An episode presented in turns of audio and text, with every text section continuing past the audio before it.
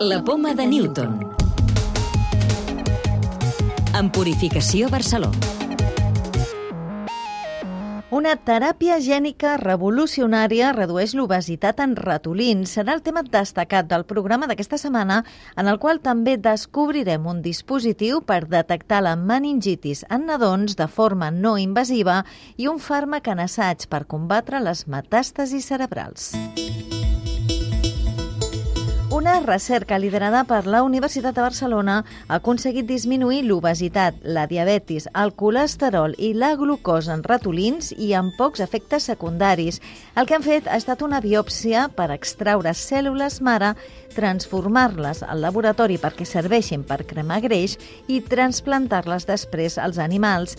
Laura Herrero és la responsable de la investigació. El que hem fet ha sigut aïllar cèl·lules mare d'un ratolí, llavors aquestes cèl·lules mare hem modificat perquè expressin una proteïna, que és la que tenim normalment tothom als nostres teixits, per cremar l'excés de greix. Llavors seria com tenir un motor que està cremant contínuament greix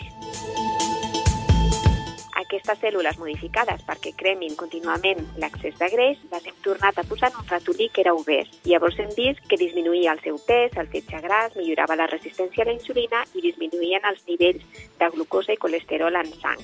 I a més, es tractaria d'una estratègia amb molt pocs efectes secundaris. Els animals estaven bé i cremaven només greixos quan havia un excés, no quan hi havia un pes normal, perquè sempre portàvem ratolins control. I aquest és un punt important perquè vol dir que la teràpia funcionaria només quan tenim aquest accés, no en una situació normal o de pes saludable. Amb els ratolins, tots els paràmetres que mesurem de salut, etc., tots estaran bé. I una manera que tenien també d'extreure aquesta energia era alliberant cossos atònics per l'orina. De fet, veiem a l'orina dels animals que tenien més d'aquests compostos en principi tots els paràmetres anaven bé. Si la teràpia dona bons resultats també en humans, podria servir per combatre no només l'obesitat, sinó totes les patologies associades a l'excés de pes. Un dispositiu permet detectar de forma no invasiva la meningitis en nadons. Es diu Neosonics i està impulsat per una plataforma d'innovació pediàtrica coordinada des de l'Hospital de Sant Joan de Déu.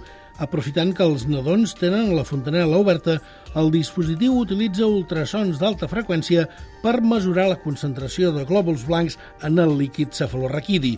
Jaume Pérez Payerols és el director d'innovació de Sant Joan de Déu. Com una espècie d'ecògraf, tindria que ser amb lactants, perquè són els que tenen la fontanela oberta, i aquest ecògraf és capaç de mirar el número de cèl·lules blanques, que són les cèl·lules que detectarien si tens un microbi o no tens un microbi. I, per tant, és un canvi radical. Un nou fàrmac aconsegueix una potent acció antitumoral per combatre les metàstasis al cervell, ara molt difícils de tractar. Es dirigeix contra metàstasis cerebrals per melanoma que tenen una determinada mutació anomenada BRAF que afecta un 60% d'aquests tumors. Joan Seoane, de l'Institut d'Oncologia Vall d'Hebron, és el responsable de la investigació. Nosaltres el que hem fet és trobar un nou fàrmac que atravessa la barrera hematoencefàlica i actua contra el tumor, encara que estigui en el cervell.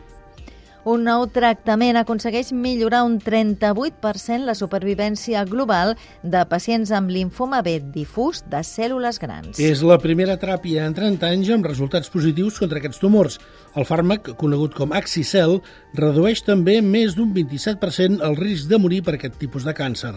Els assajos els ha liderat la Universitat de Texas, als Estats Units, i compten amb una participació important del Servei d'Hematologia Clínica de l'Institut Català d'Oncologia, l'ICO. Llibres de ciència.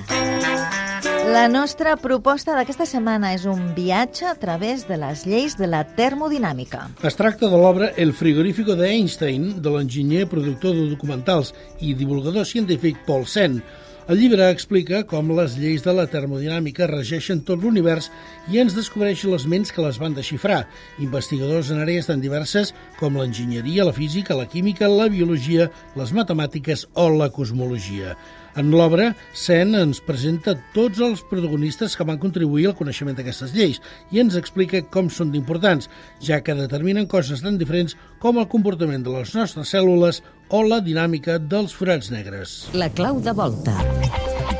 Es pot aturar el creixement d'un forat negre? Joan Anton Català, astrofísic i divulgador científic. Un podria pensar que res no, no hauria d'impedir que un forat negre supermassiu continués menjant material i, per tant, guanyant massa i creixent. Però, de fet, el pitjor enemic d'un forat negre és ell mateix. El mateix forat negre és el que acaba tancant la boca i això passa perquè quan un forat negre supermassiu creix, quan mengen material, s'envolten al voltant d'un disc de material que cau en espiral. Doncs quan un forat negre és massa gros, aquest disc de material que cau en espiral també és massa gros, té massa massa, i creiem que col·lapsa, es fragmenta aquest disc, i per tant deixaria de caure immaterial en el forat negre, i el mateix forat negre doncs, es quedaria sense aliment i deixaria de créixer.